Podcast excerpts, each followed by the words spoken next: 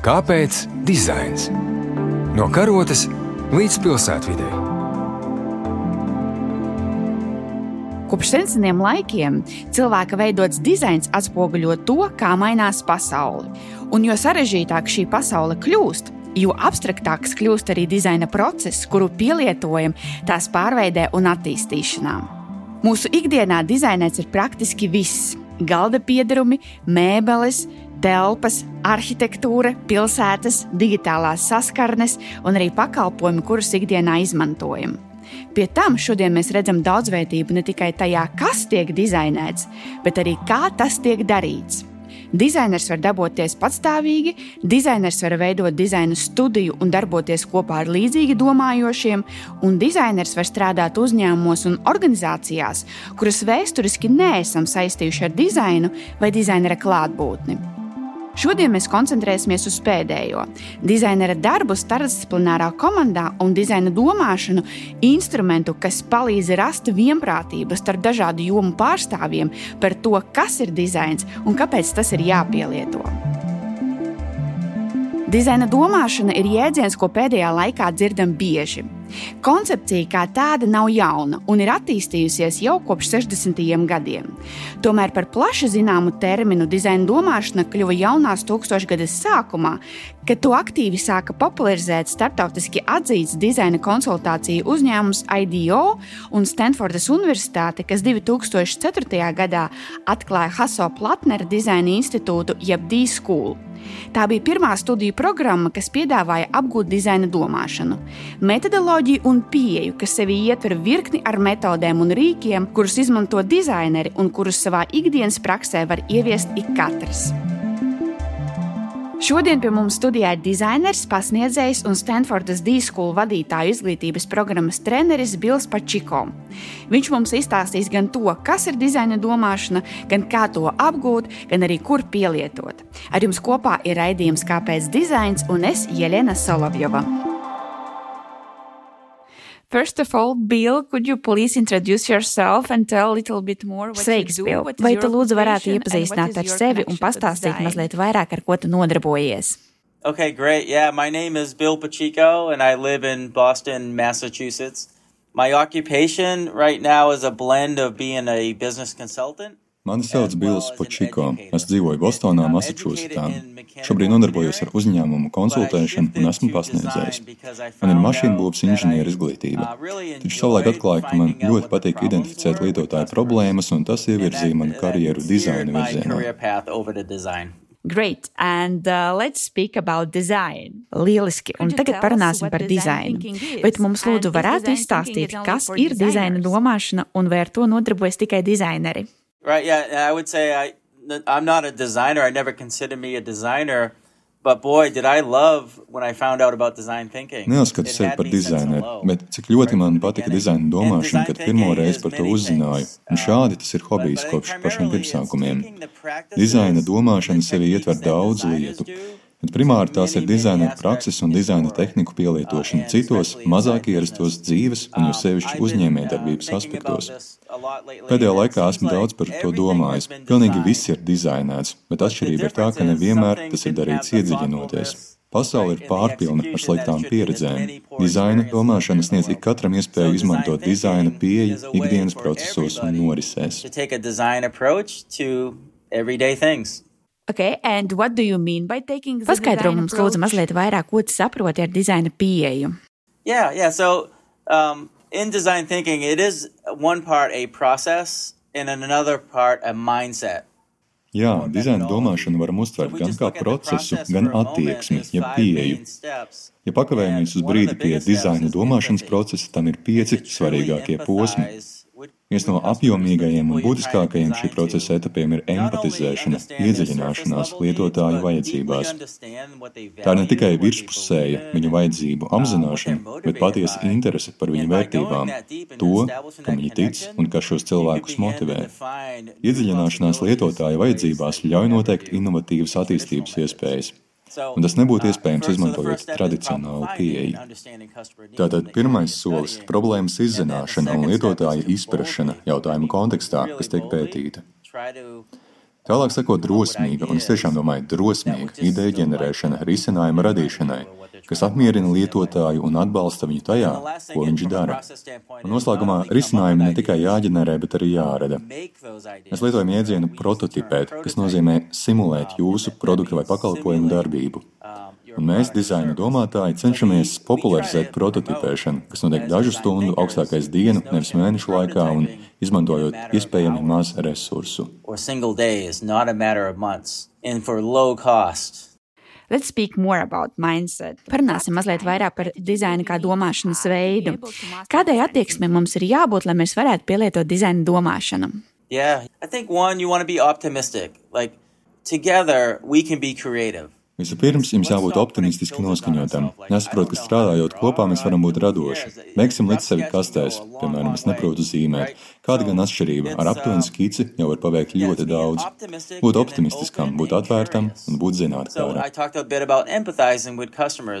That doesn't mean sympathizing with customers. We don't want to reciprocate. Like if you say something to me and Jau pieminēja, cik svarīgi ir būt empātiskam pret lietotāju, bet būtiski uzsvērt, ka tas nenozīmē būt līdzjūtīgam.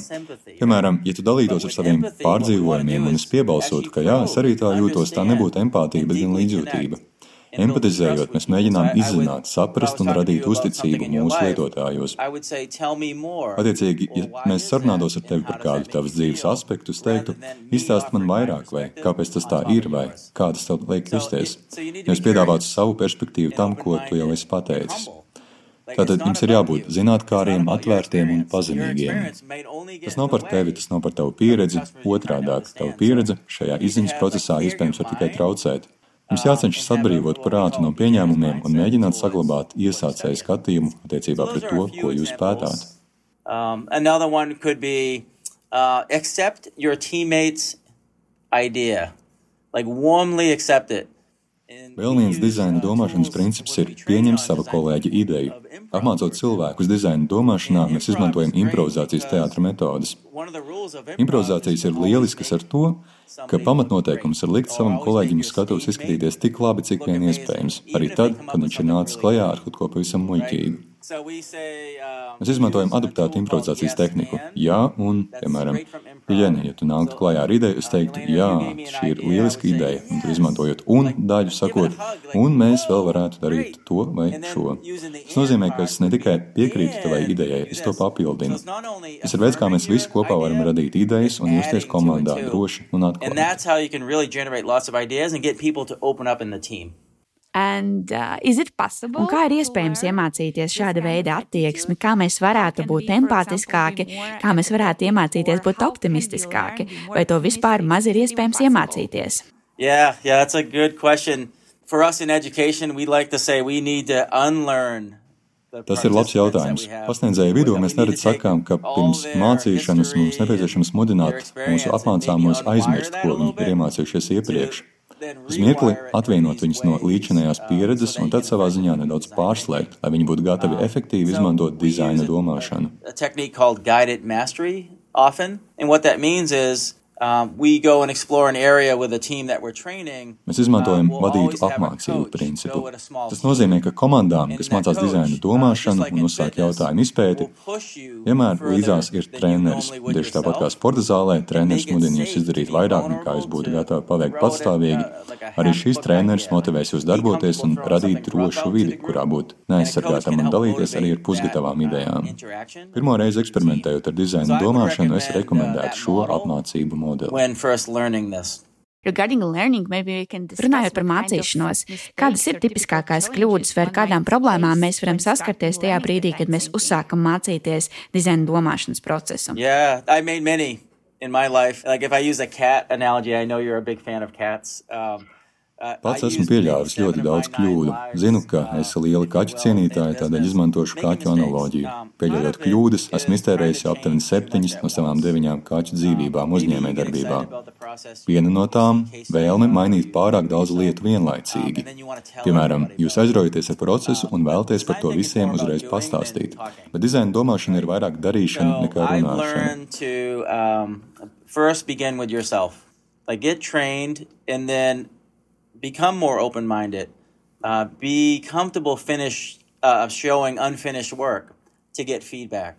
Um, Tāpat esmu mācījies, ka svarīgi vispirms sākt pašam ar sevi, pašam iemācīties noteikt lietas, kļūt atvērtākam, lai spētu demonstrēt otram nepabeigtas ieceres un spētu uzklausīt atgriezenisko saiti, veicot ātros eksperimentus. Un tad šo pieeju demonstrēt arī citiem un pašam būt par piemēru uzvedībai, ko sagaidīt no apkārtējiem. Vēl viena lieta, ko ļoti cenšos popularizēt, veidojiet mazo uzvaru kolekcijas. Uzsāciet dizaina procesu un vērojiet, kā tas attīstās. Ja ir izdevies panākt vismaz minimālus uzlabojumus, veidojiet savu mazo portfolio, stāstus par paveikto un dalieties ar tiem. Stāstiet interesantiem un arī ideju kritiķiem. Šāda bija līdzinājā pieeja, savukārt šo mums piedāvā veiktie uzlabojumi. Un trīs piemēri ir pierādījumi mūsu pašu uzņēmumā. Tas ir kaut kas ļoti konkrēts, ko var norādīt. Savukārt vēlme pārāk ātri kļūt drosmīgiem ir pārāk riskanta un neproduktīva. Right. Bill, tev ir vērienīga pieredze darbā ar dažādu līmeņu un dažādu veidu vadītājiem. Parunāsim nedaudz vairāk par to, kādu vērtību dizains var ienest organizācijām. Kādas priekšrocības mums sniedz dizaina domāšana, teiksim, ja mēs to izmantojam uzņēmumā. I think pure design is wonderful and beautiful, right? And then you have like marketing and accounting and all these other business functions. Jā, um, manuprāt, tīrs dizains ir tik brīnišķīgs un skaists, bet bez dizaina uzņēmējdarbībā ir arī virkne citu funkciju - mārketings, grāmatvedība, biznesa. Tāpēc es domāju, ka viena no svarīgākajām funkcijām dizaina domāšanas uzdevumiem uzņēmumā ir kalpot par tiltu starp dizainu un citām organizācijas funkcijām. Dizaina domāšana ir pietiekami vienkārša, lai visi to varētu saprast un tādējādi novērtēt dizainu kā procesu un attieksmi. Domāju, ka uzņēmums var iegūt krietni vairāk, darbojoties nevis atsevišķās izolētās komandās, bet veidojot jauktas darba grupas, kurās satiekas ar noteiktu tēmu saistīti eksperti un darbojas izmantojot vienotu procesu, piemēram, dizaina domāšanu. Tā būtu viena lieta - strādāt labāk un virzīt dizaina pieeju uzņēmumā. Otra, tā kā dizaina domāšanas svarīgākais elements ir empātija, tas sniedz iespēju paskatīties uz uzņēmumu darbību no malas, no lietotāja perspektīvas.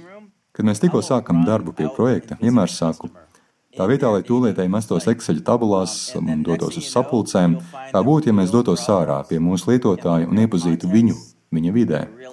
Nākamais, kas notiek, mēs esam noteikuši patiesās problēmas, ieraudzījuši to patieso kontekstu un reālas miedarbības, ko piedzīvo lietotājs. Tas uzņēmumiem palīdzēs ieraudzīt jaunus veidus, kā sniegt savam klientam pievienoto vērtību. Un es domāju, ka šāda darbošanās ir arī ātrāka. Mēs gan eksperimentējam, gan gūstam atziņas ātrāk. Tas ļauj precīzāk prognozēt un plānot resursus jebkurai iniciatīvai. Rezumējot, strādāt kopā, būt vairāk orientētam uz klientu un būt efektīvākam savā darbā. So, working together, being more customer centered, being more efficient in the way you work. Varbūt tu vari minēt arī pāris veiksmīgus piemērus, kur mēs varam redzēt dizaina domāšanu darbībā. Yeah, yeah, there's, um, I'll speak more at, at the beginning here of my personal experiences. Iesākumā koncentrēšos uz savu personīgo pieredzi. Vairāk kā 30 gadus esmu strādājis uzņēmumā, kas nodarbojas ar sporta un fitnesa aprīkojumu izstrādi. Esmu veidojis visus, sākot ar skrejceliņiem, velo un elliptiskajiem trenižieriem, beidzot ar ierīču digitālajām saskarnēm. Un tā bija brīnišķīga vieta, kur būt. Atminos pirms aptuveni desmit gadiem, mēs tikām izaicināti pilnībā redizainēt skrejceļa pieredzi. Tomēr skrejceliņš līdzīgi kā, piemēram, tosters, daudziem liekas pašsaprotama patēriņa prece. Kāda gan inovācija te varētu būt? Bet dodoties uz sporta zāli, ievērojām, ka cilvēki uz skrejceliņa patiesībā uzvedas ļoti interesanti. Lielākā daļa no viņiem ieķeras šajā ierīcē tik stingri, ka no tās būtu atkarīga viņa dzīvība. Kāpēc? Uh, in fact, many of them hung on, like for dear life, on the treadmills. Um, and what was that about? And it didn't matter if they were young or old or fit or unfit. Um, they were grasping different points of the product um, even though they weren't designed to be held. Mēs novērojam, ka pilnīgi vienalga, vai cilvēks ir vecs vai jauns, sportisks vai nekustīgs, viņi visi mēģina pieturēties pie dažādiem ierīces punktiem, tostarp tiem, kas tam nemaz nav paredzēti. Mums tas šķiet interesanti. Mēs, protams, viņus nenosodījām, bet otrādi teicām, wow, lūk, ko viņi dara. Un uzsākot eksperimentu, vispirms radījām skrejceliņu, kuram bija pārāk daudz roku, tur tūkstošiem, bet arī tas nestrādāja, taču ļāva mums uzsākt ieradumu izzināšanu but their arms would instantly move and try to grasp something. And we uncovered a, a latent need of security. And we started to think like this Oh, yeah, they're in the middle of the gym. They don't want to look like fools. Attīstījām šo ideju tālāk un secinājām, pareizi. Viņi taču atrodas sporta zāles centrā, viņi nevēlas nokrist un izskatīties dumji. Zem viņiem principā ir maģisks, kustīgs paklājs, un viņiem ir bail nokrist. Tas ļāva mums atklāt latentu vajadzību pēc drošības. Secīgi sapratām, kā formu apvienot ar funkciju, un radījām ļoti drošu ergonomisku ierīces konstrukciju, kas ļāva cilvēkiem justies komfortabli, skrejot pa skrejceliņu. Tas bija absolūts veiksmes stāsts. Divos gados uzņēmuma peļņa pieauga par 20%, bet mēs nesākām ar galvenajiem ekspējas rādītājiem un to, kā varētu palielināt peļņu. To taču ir grūti paveikt. Sākām ar to, ka izzinājām, kā cilvēki lieto produktu, un bijām pietiekami drosmīgi, lai tajā ieklausītos un eksperimentētu, lai varētu secināt, ka tā ir patiesā lietotāja vajadzība. Tūlītā saņēmām vērtīgus komentārus no lietotājiem, ka mūsu risinājums liek justies drošāk nekā mūsu konkurentu ražotās ierīces. Viņi paši gan nevarēja tūlītēji pateikt, kāpēc viņi tā jūtas, bet mēs, protams, to zinājām. Šis ir piemērs, kā lietotāja novērošana ļauj sasniegt uzskatāmu uzņēmuma attīstību. The, probably the most famous story, uh, certainly in the US here, is the reimagined MRI machine. Um, and that's done by Doug Dietz from General Electric.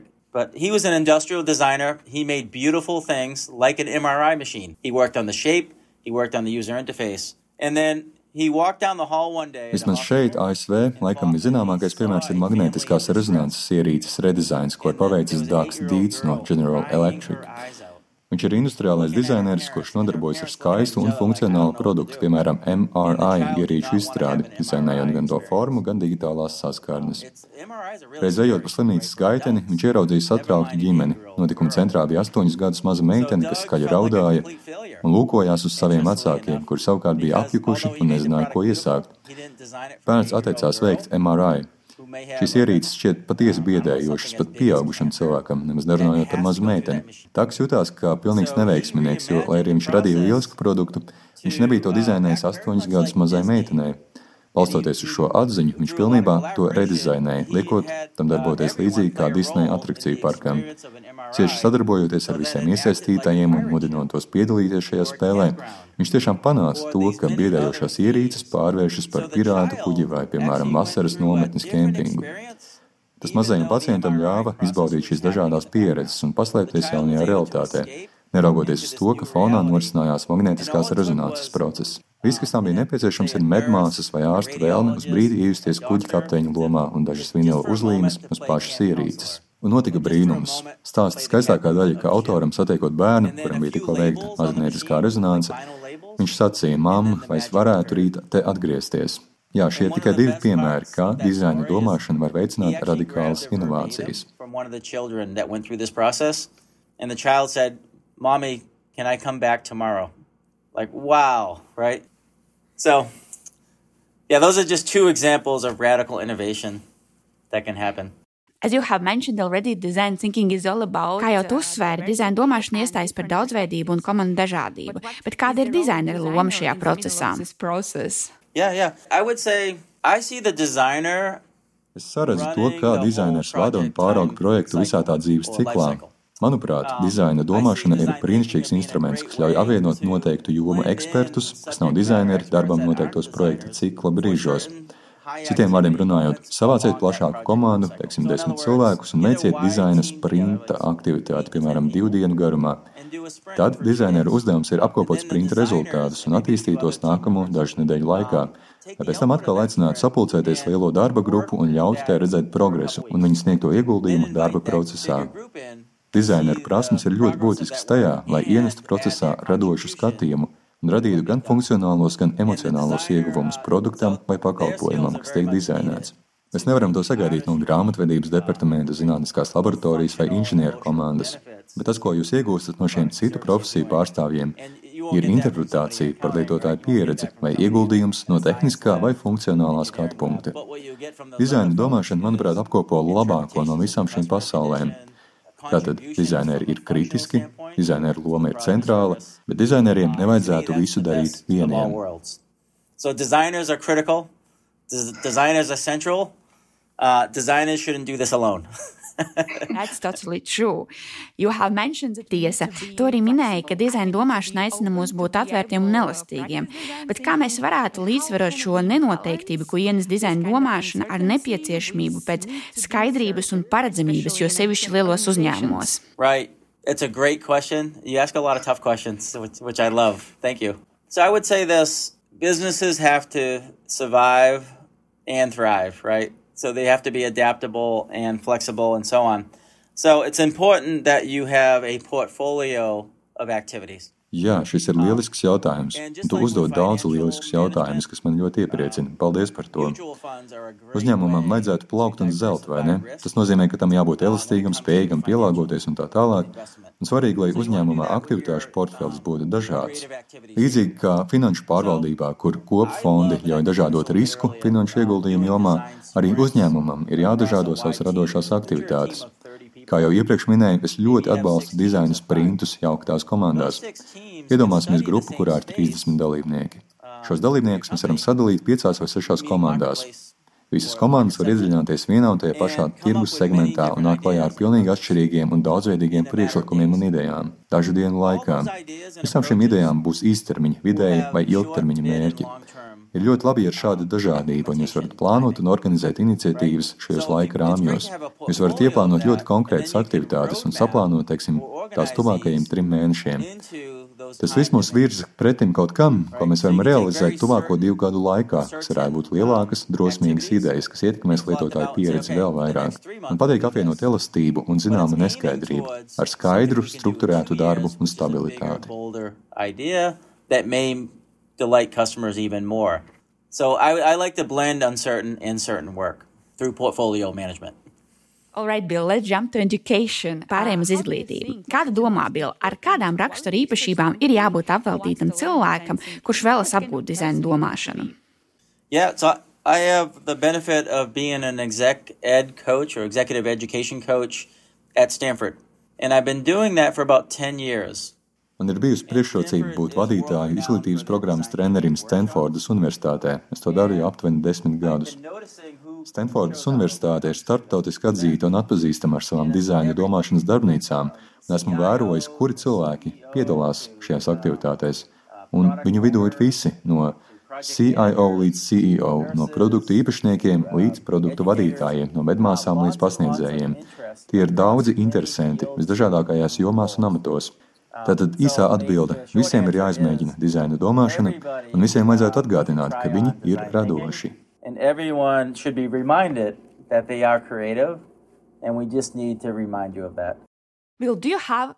Kind of Vai tev ir kāda atbilde tiem cilvēkiem, kuri uzskata, ka dizaina domāšana ir tukšs modes vārds? About, it's another buzzword, right? But when you actually do it, it's really powerful. I, Jā, domāju, ka tik ilgi, kamēr par to runājam, tas tiešām ir tikai vēl viens šī brīža skaļais vārds. Bet tad, kad jūs sākat to darīt, tas patiesībā ir kaut kas ļoti jaudīgs.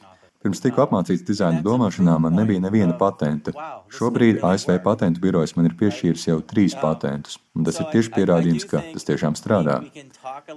Tādēļ domāju, ka mēs varam gari un plaši runāt, rādīt PowerPoint slaidus, un tad mēs atkal esam jauns mēneša vai gada process. Dizaina domāšana ir par aktīvu darbošanos principu un procesa izmantošanu praksē, mazo uzvaru krāšanu un ieklausīšanos klientos. Un tas ir tas, kas paliek atmiņā. And, uh, I, I tell you, after doing this for 10 years or so, people really appreciate Darot to nu jau vairāk kā desmit gadus, varu droši apgalvot, ka cilvēki patiešām novērtē labi dizainētu sapulci, labu dizaina sprintu. Tie ir tie brīži, kad aktivitāšu dalībnieki sniedz atgriezenisko saiti, ka mēs tik īsā laikā varējām izdarīt tik daudz. Tas vienkārši strādā. Ir virkne ar pētījumiem, kas apliecina, ka tas strādā, bet, lai tas tiešām tāda būtu, organizācijā ir nepieciešami daži cilvēki, kuri ir pietiekami drosmīgi, lai to pamēģinātu. Thank you so much, Bill. It was Paldies, Bill. Šī bija brīnišķīga saruna. Vai ir kaut kas, ko tu vēlies papildināt? I think we, we would be remiss to not mention how we came about with this radio interview. Like, what's this person from the United States talking to this other person from Latvia, right?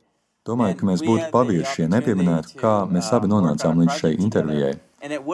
Kāpēc tieši šis cilvēks no SV runā tieši šo cilvēku no Latvijas? Mums abiem bija iespēja strādāt kopā pie projekta, un tas nekad nenotiktu, ja nebūtu Covid. Lūk, tā ir viena no Covid zelta maliņām, un domāju, ka šī sadarbības procesa laikā mēs abi esam demonstrējuši dizaina domāšanu darbībā. Abi bijām atvērti sadarbībai jaunā formātā un jaunos mēdījos.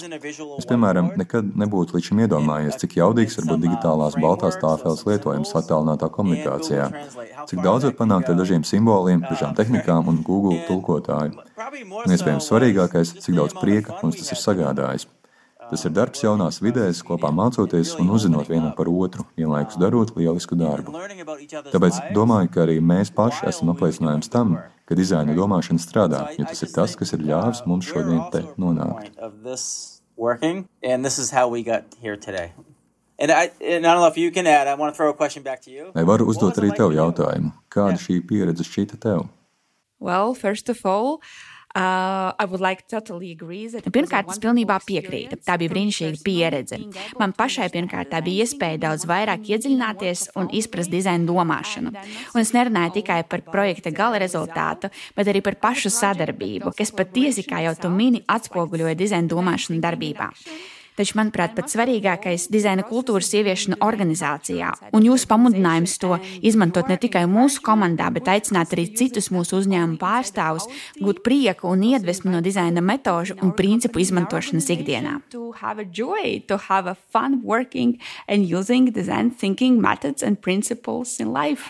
So, um, you know, we reimagine a collaboration across continents.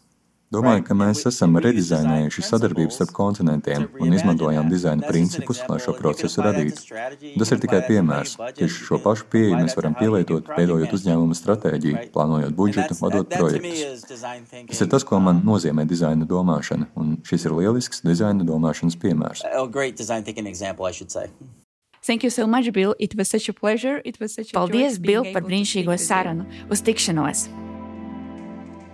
Kāpēc dizains? No karotes līdz pilsētvidē. Pirmdien, 9.5. ar atkārtojumu sestdien, 18.18. 18.